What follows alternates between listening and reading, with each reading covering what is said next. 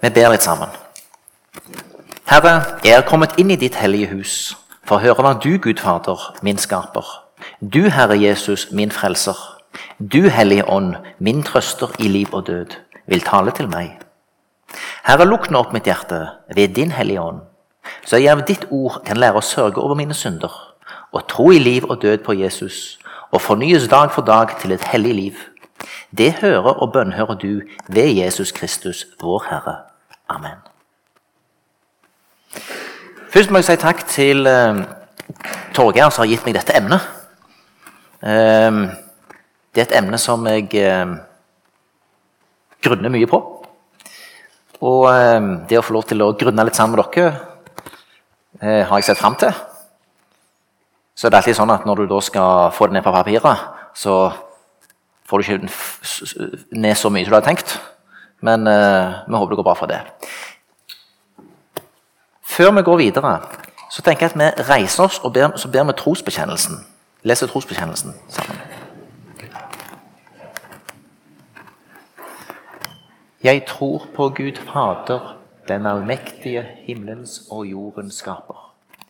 Jeg tror på Jesus Kristus, Guds enbårne Sønn, vår Herre, som ble unnfanget ved Den hellige ånd, født av jomfru Maria, tint under Pontius Pilatus korsfestet, død og begravet. Sto opp fra de døde tredje dag, for opp til himmelen, sitter ved Guds den allmektige Faders høyre hånd, skal derfra komme hjem for å dømme levende og døde.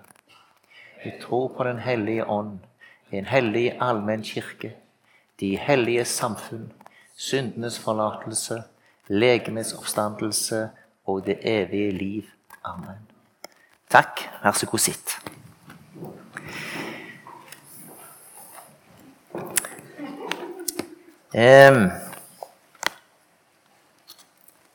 Et av mine favorittvers i Bibelen, som jeg stadig kommer tilbake til, det står i Hosea kapittel 6. Jeg har ikke advart teknikeren mot det, men eh, jeg tar det nå med. Det er innledningen i, i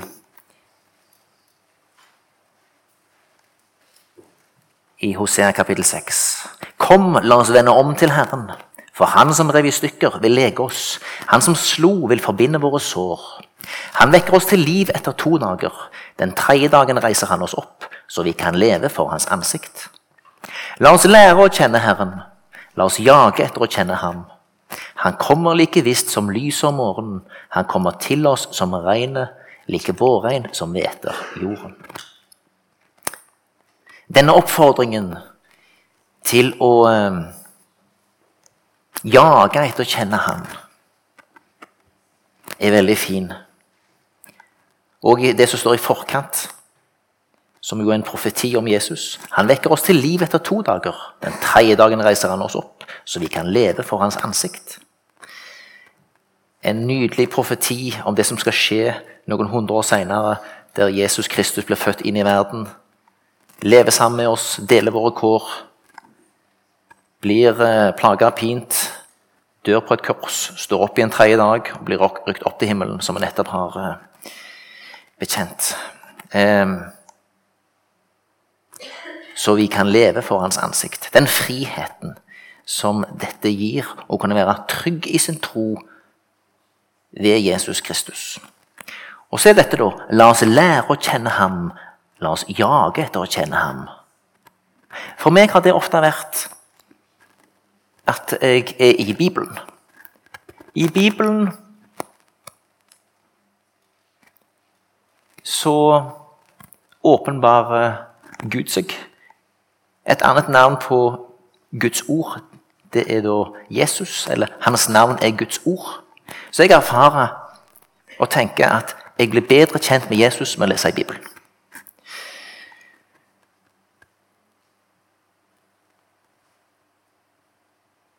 så er dette med å lære å kjenne Herren. Herren har åpenbart seg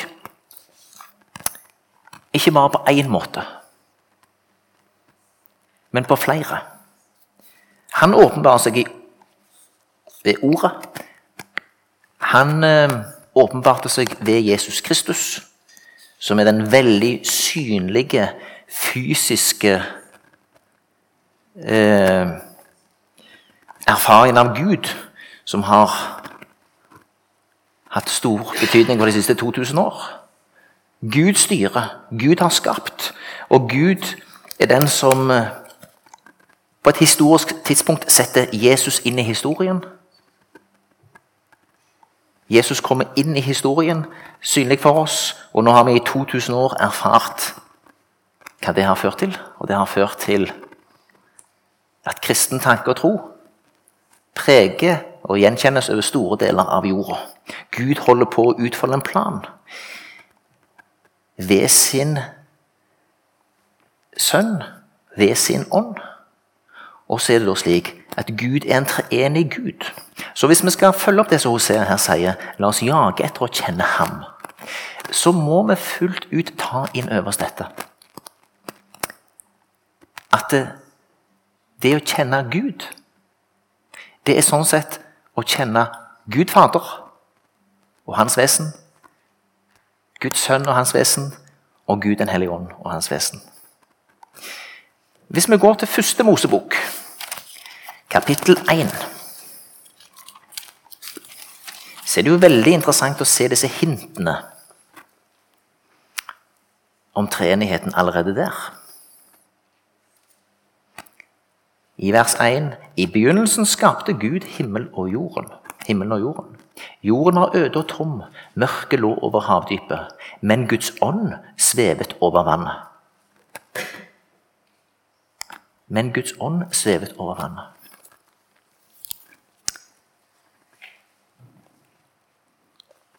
Så har vi noe som står i Salmos ordspråk, kapittel 8, som jeg gjerne vil ta med her.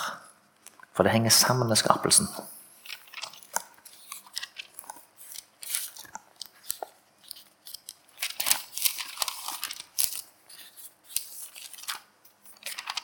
Det er et spørsmål om Guds visdom i Salomos ordspråk, kapittel 8. Og så står det Fra vers 22 så står det noe om visdommens opphav. I vers 22 i kapittel 8 av ordspråkene står det Jeg var det første som Herren frembrakte, hans første verk i fordums tid. I opphav ble jeg formet, i begynnelsen før jorden ble til. Da ser man at Gud har skapt noe før han skapte verden.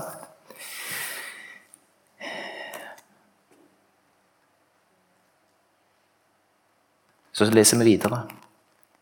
Jeg ble født før havdypet var der, før kildene fyltes med vann. Før fjellene ble satt på sin plass, før alle haugene ble jeg født. Før Herren skapte jord og mark og den første moll på jorden. Jeg var der da han reiste himmelen og spente hvelvingen over dypet da han samlet skyene der oppe og lot havdypets kilder strømme sterkt. Da han satte en grense for havet, så vannet stanset der han bød, og han la jordens grunnvoll.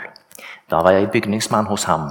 Jeg var til glede for ham dag etter dag og lekte stadig for hans ansikt. Jeg lekte på hele hans vide jord og hadde min fryd i menneskebarna. Så går vi tilbake til første Mosebok. Dette er Jesus. Dette er Jesus som taler. For Jesus er Guds visdom.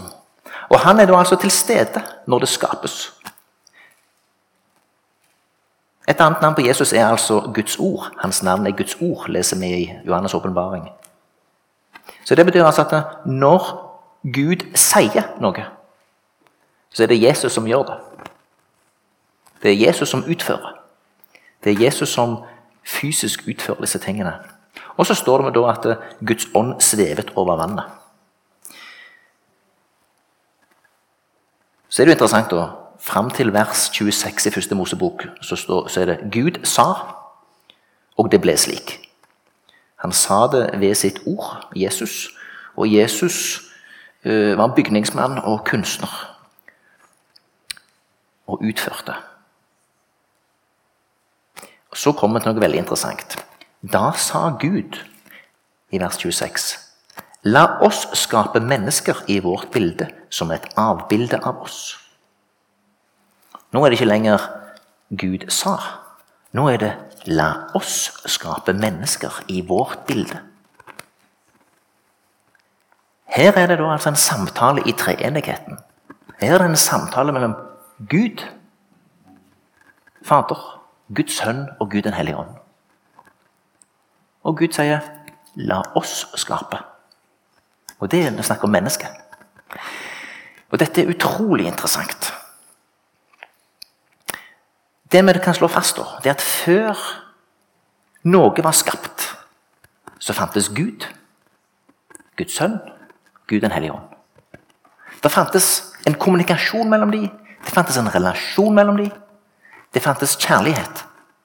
Denne kjærligheten er så voldsom at den, den er litt slik altså at mennesket blir jo skapt for at Gud eh, eh, kan ytterligere få eksponere og dele sin kjærlighet. Ikke bare innad i treenigheten, men til oss. Derfor er det veldig fint det du Harald sa, om at Gud er kjærlighet. Og det ser vi her òg. Det er kommunikasjon i treenigheten. Det er relasjon. Og det er kjærlighet. Og denne kjærligheten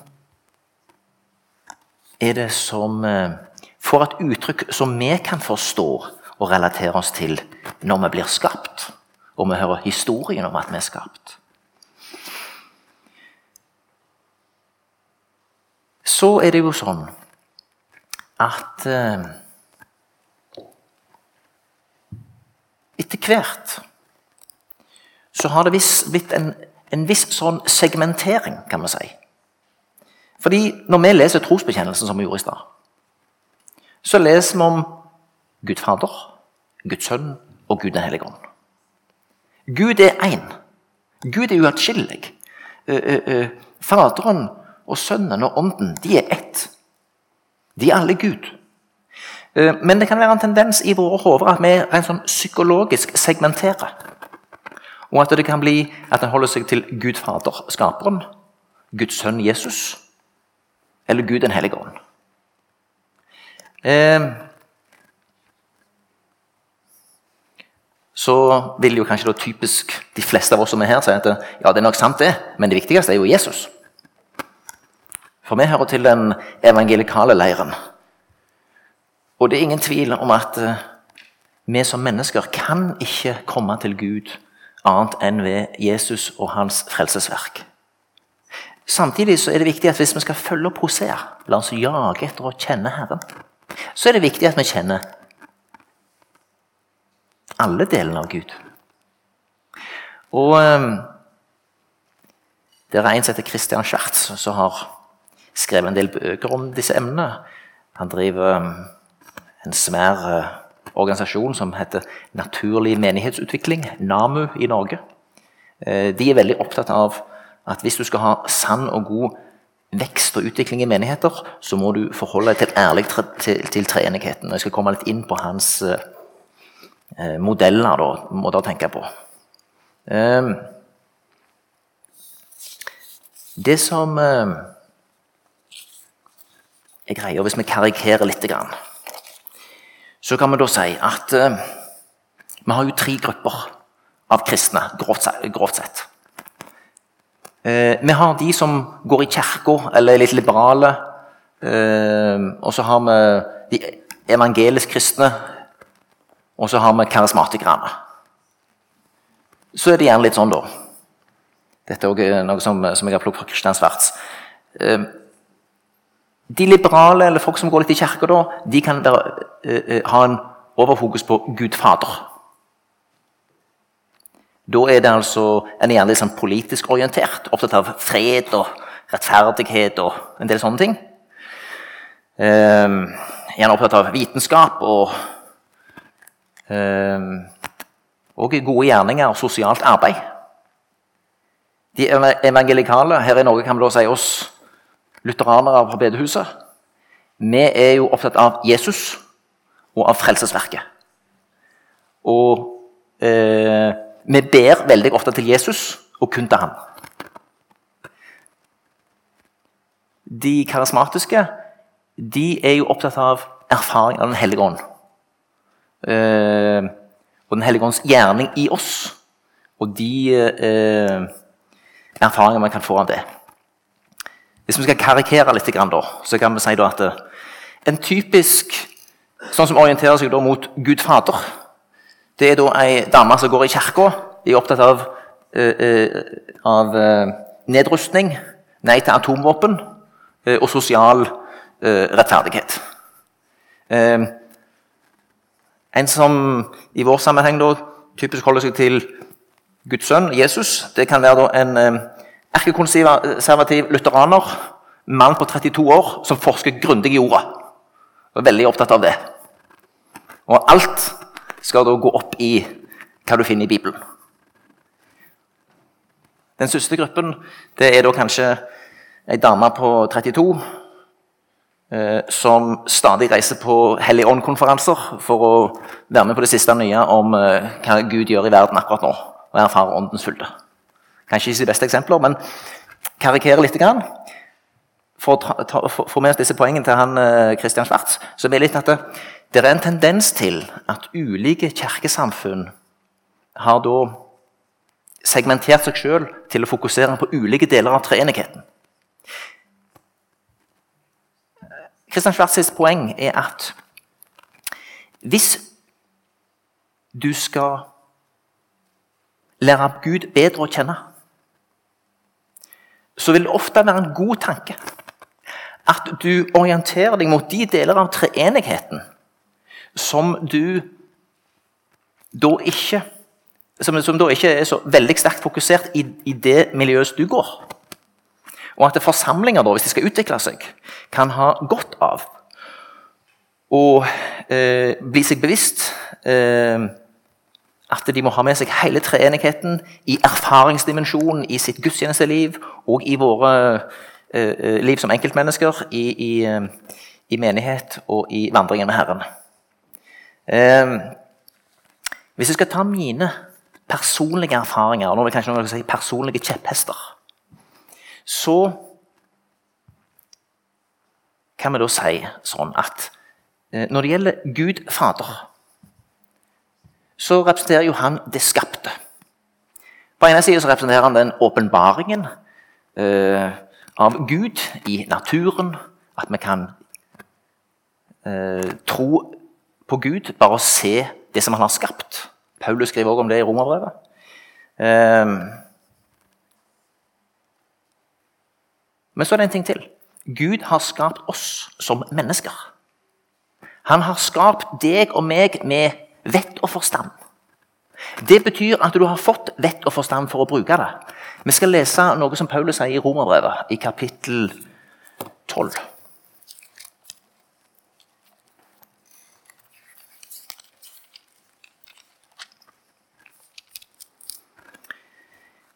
Fra vers 3. I kraft av den nåde jeg har fått, sier jeg til hver enkelt av dere, gjør det ikke større tanker enn du bør, men bruk din forstand og vær sindig. Hver og en skal holde seg til det mål av tro som Gud har gitt ham. Vi har ett legeme, men mange lemmer, og alle lemmene har forskjellige oppgaver. På samme måte er vi alle ett legeme i Kristus, men hver for oss er vi hverandres lemmer. Vi har forskjellige nådegaver, alt etter den nåde Gud har gitt oss. Den som har profetisk gave, skal bruke den slik som troen tilsier. Den som har diakonitjeneste, skal ta seg av sin tjeneste. Den som er lærer, skal ta seg av læren, og den som rettleder, skal ta seg av dette. Den som gir av det han eier, skal gjøre det av et udelt hjerte. Den som er forstander, skal være det med iver, og den som gjør barmhjertighet, skal gjøre det med glede.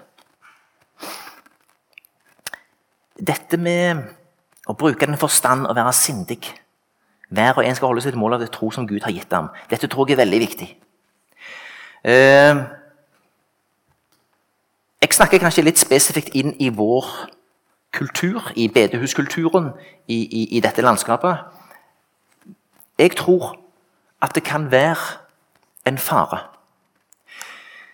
At ved en overbetoning av ordet eh, så kan du ende opp med at alt du møter i livet, må gå opp i et bibelord. Du bør helst finne la oss si, What would Jesus do?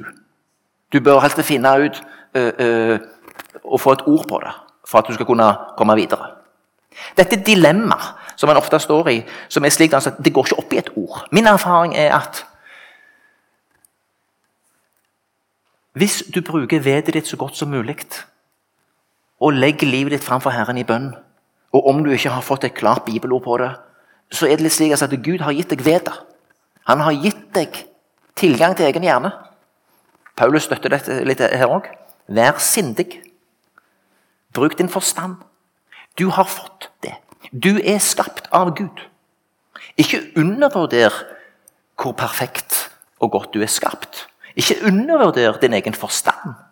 Hvis du har grubla og fundert på noe, smarra litt med omgivelsene, så kan det hende at du har kommet fram til noe som i en dilemmasituasjon kan være rett.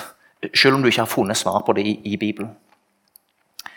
Um, en annen dimensjon ved Gud Fader som jeg tenker har en relevans inn i menighetsliv, det er at vi må erkjenne at vi er skapte vesener, at vi er mennesker. Og at som er mennesker så trenger vi å erfare og leve ut troen på helt bestemte måter. Jeg har vært aktiv i Den norske kirke i 22 år. Det jeg har erfart i Den norske kirke, er at den trospraksis som der er gjennom relativt ofte repetisjon av en del faste ledd eh, Fast lesing av tre tekster. Det har bidratt for min del til en stabilisering av mitt gudsbilde. Jeg opplevde nok når jeg gikk på bedehuset når jeg var yngre, at eh, det var litt sånn at jeg kjente et visst sånn kvalifiseringspunkt. Jeg burde helst ha erfart noe som jeg kunne dele vitner vitne om. Uh, hvis jeg ikke hadde erfart det, så var det litt tyngre å gå der. Mens jeg erfarer i kirka, så hviler ting i en ramme. Denne rammen tar hensyn til at vi er skapte vesen. Denne rammen tar hensyn til at vi ikke alltid er inspirert. Tross alt, både for bedehusbevegelsen og pinsebevegelsen så er det ca. 100 år siden vekkelsen var der. Ca. 100 år siden enorm inspirasjon. Mens veldig mange av uttrykkene er ennå prega av det. At du skal komme dit og være inspirert, og noen åndsutgytelser eller noen heftige vitnesbyrd. Jeg karikerer voldsomt her, men jeg håper dere er med. Så, så En av mine kjepphester da, er altså at jeg tror det er veldig bra å ha en del faste rammer. Der du får repetere grunnleggende trossannheter. For meg er gjerne både synsbekjennelse, trosbekjennelse, Fader vår, og at det er noen bibeltekster som leses. Da hviler det i ramma. Så får du litt ordets utleggelse. Om det er 10 eller 30 minutter, skal jeg ikke si. Men har du fått en sånn pakke, så har du en veldig god greie. Da, da har du en basis. Jeg sier dette fordi jeg tenker at dette er et uttrykk for eh, å ta treenigheten på alvor. Du er skapt av Gud, du er et menneske. Du trenger eh, noen rammer. Alle vet vi at gode vaner er viktig. Eh, det vil jeg også si til dere i deres personlige eh, trospraksis. Eh, for meg har det vært en god ting Dette har ikke skjedd for meg før i voksen alder. Men jeg ber hver dag en fast bønn. Og det er en salme. Nå er det salme 103. Tro det eller ei, en mann på ca. 50 har greid å lære seg den utenat. Jeg sier ikke dere skal lese den, men jeg vil oppfordre dere bla litt i salmene. Finn noen salmer som kan bli en bønn hver dag. Begynn gjerne dagen med den bønna. Begynn gjerne dagen med å be det. For det gjør noe med deg. Um, ta på alvor at du er et menneske. Ta på alvor at du ikke hver dag er kjempeinspirert. At du trenger noen vaner. Ta på alvor at du, du trenger en trospraksis som bærer deg gjennom de uinspirerte tidene. Der erfarer jeg at det er både faste ledd i, i, en, i et møte og en fast trospraksis er en god ting. Det vi ser veldig mye av i dag, det er altså pinsevenner som Peter Haldorf, som vandrer til den ortodokse kirka, for de ser at de har mangla noe. Dette er sånn sett en vandring fra la oss si, kanskje en forsamling der en har fokusert mye på Den hellige ånd, til en forsamling der eh, en, en da tar mer på alvor Gud Fader, altså det skapte, at vi er mennesker, og at vi trenger la oss si, rammer. Eh, så vil jeg si litt om eh, Den hellige ånd. Jeg vil denne gangen ikke snakke så mye om Guds sønn. For siden vi kommer fra den forsamlingen vi kommer fra, den kulturen vi gjør, så snakker vi relativt ofte om det. Eh, men det som er greia, vi er nå rett etter pinsen. Vi er i eh, treenighetstiden, eller i søndagene etter pinse i, i kirkeåret. Og eh, det som jo er greia da, det er jo interessant å se i forkant av pinsen, hvis vi tar hva Jesus sier Hvis vi leser Johannes 14, fra vers 15 Dersom dere elsker meg, holder dere mine bud. Og jeg vil be Faderen, og han skal gi dere en annen talsmann, som skal bli hos dere for alltid, sannhetens ånd. Verden kan ikke ta imot ham, for verden ser ham ikke og kjenner ham ikke. Men dere kjenner ham, han blir hos dere og skal være i dere. Jeg skal ikke la dere bli igjen som foreldreløse barn, jeg kommer til dere. Om en liten stund ser ikke verden meg mer, men dere ser meg, for jeg lever, og dere skal også leve. Den dagen skal dere skjønne at jeg er i min far, og at dere er i meg, og jeg i dere.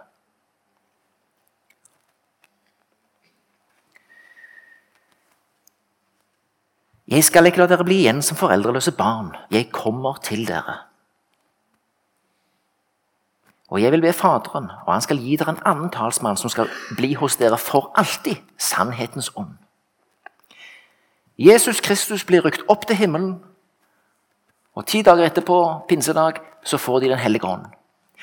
Den hellige ånd åpner for disiplene hva det var Jesus egentlig hadde gjort. Nå forstår de fylden av det. Nå blir det åpenbart for dem. Nå kan de formidle dette.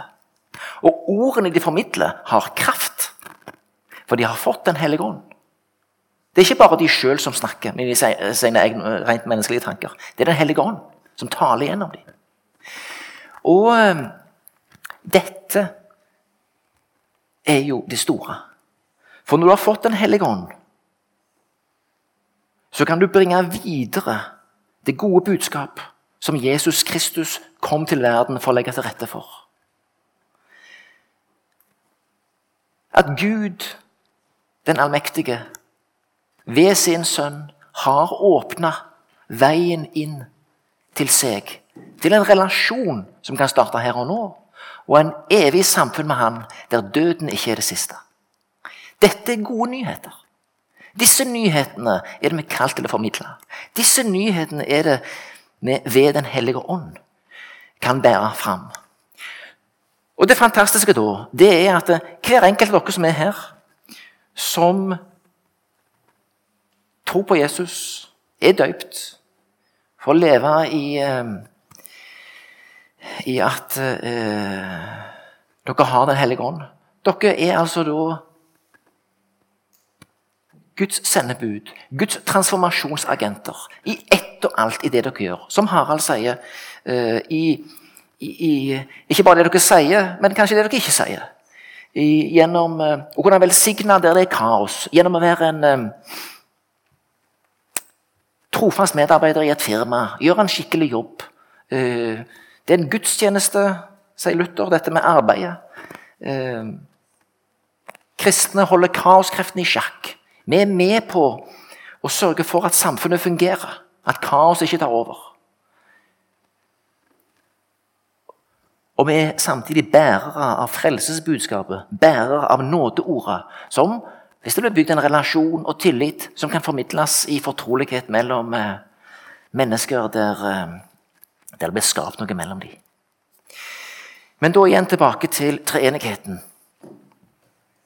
Vi er skapte vesen Gud har skapt både deg og din neste, din nabo. Gud er like glad i naboen din som i deg. Han har skapt han òg. Og Jeg tror det er veldig viktig å besinne oss på dette med møtet mellom mennesker. Igjen Gud Fader, som har skapt oss. Jeg tror det er veldig viktig å ta med at ethvert møte mellom to mennesker er et i hellig grunn. Det er to gudskapte vesen, skapt i Guds bilde, som møtes. Det betyr at meningene deres er veldig forskjellige. Du som en konservativ eh, kristen, og den andre som en Ikke det. Noe helt annet. Uansett så disse møtene har verdi. Og Det å møte den andre med respekt og vite at dette er et menneske som Gud er glad i, det tror jeg Gud Fader, og det tar inn den delen av uh, Gud eh, eh, minner oss på. Vi har fått Den hellige ånd. Det betyr altså at eh, vi er ikke alene. Du er aldri alene. Du er heller ikke alene det du ikke forstår. Det gapet som du ikke forstår i dag, det dekkes av Gud ved Hans hellige ånd. Det som du ikke makter å gjøre, det dekker Den hellige ånd. Dine hva skal jeg si, begrensninger dekker Den hellige ånd over. Du stiller deg til disposisjon. Du er villig til å ja, stå i en tjeneste eller gjøre det som eh, du blir minnet om. Av og til blir du ikke minnet om noe spes spesielt. Da bruker du bare vedet ditt. Jeg tror det er veldig viktig at vi hele veien integrerer treenigheten i livet vårt. Vi er skapte vesen. Du kan bruke fornuften din. Men vi har fått kraft. Vi er ikke alene. Det er ikke bare din hukommelse som skal huske på et eller annet bibelord. Du har fått kraft. Gud vil gi deg det du trenger, ved sin ånd, når du trenger det. Og jeg tror det er veldig viktig å ta med seg at eh, eh, Vi trenger å påminnes eh, dette for å kunne være Hva skal vi si robuste, modne kristne. Jeg vil lese noe som eh, Peter Haldorf har sagt. Altså en pinsevenn som har gått til det ortodokse. Fremdeles er han opptatt av Den hellige ånd. Så skriver han da Den hellige ånds dårlige rykte henger ofte sammen med en smak eller fraværende visjon av Gud som treenig. Når Ånden gjøres til en altfor selvstendig aktør i forhold til Faderen og Sønnen, er det en tendens til at de ekstatiske trekkene får ta over. Kirken forsøker å parere vidløftighetene gjennom å regulere hvordan den taler om Ånden. Det dreier seg om en krevende balansegang. To tendenser gjør seg gjeldende. På den ene siden den ivrige framheving av Den hellige ånd, som risikerer å distansere Ånden fra Faderen og Sønnen, med usunne forviklinger som følge. På den andre siden Kirkens reaksjon på dette. Tale om Ånden tones ned gjennom en forkynnelse der Faderen og Sønnen dominerer. En større innsikt i treenighetens mysterium er derfor både en beskyttelse mot eventyrligheter på åndelighetens område og en hjelp til å identifisere Den hellige ånds dyptpløyende verk i et menneske. Guds treenighet innebærer at Ånden aldri går for, forbi Sønnen. Hvis kamp i ørkenen, i Getsemane og på Golgata er avgjørende for vår frelse. Når menneskets begjær etter Gud vekkes, drar Ånden inn i Guds treenige liv, slik at alt det misforståtte begjæret til å eie, misbruke og kontrollere renses. Det er jo Sønnens ånd som nå virker i mennesket.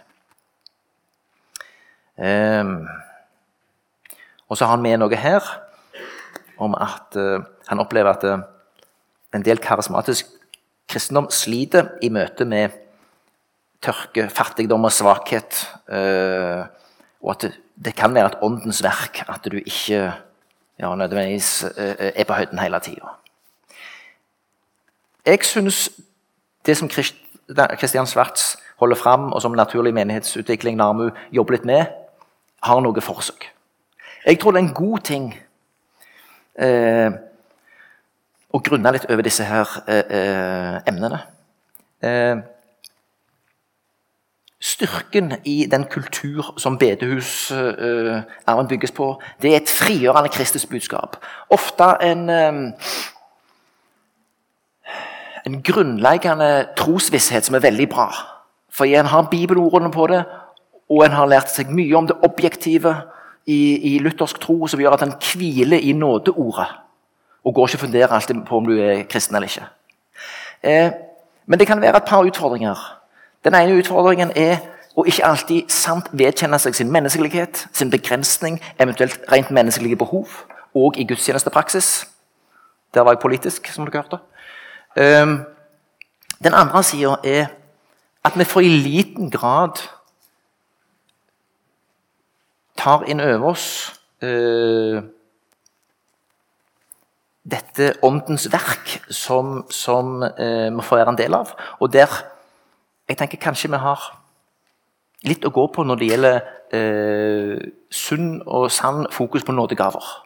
Eh, hvis vi skal ta, ta den der for min del, så tenker jeg at uh, å jobbe enda bedre med nådegavene i menigheten, det tror jeg er en god ting.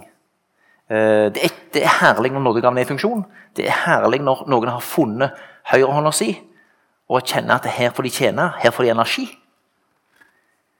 Vi skal alltid stille oss til tjeneste, men jeg tror det er en god ting å erfare at uh, du har fått noen bestemte gaver som du kan uh, bruke.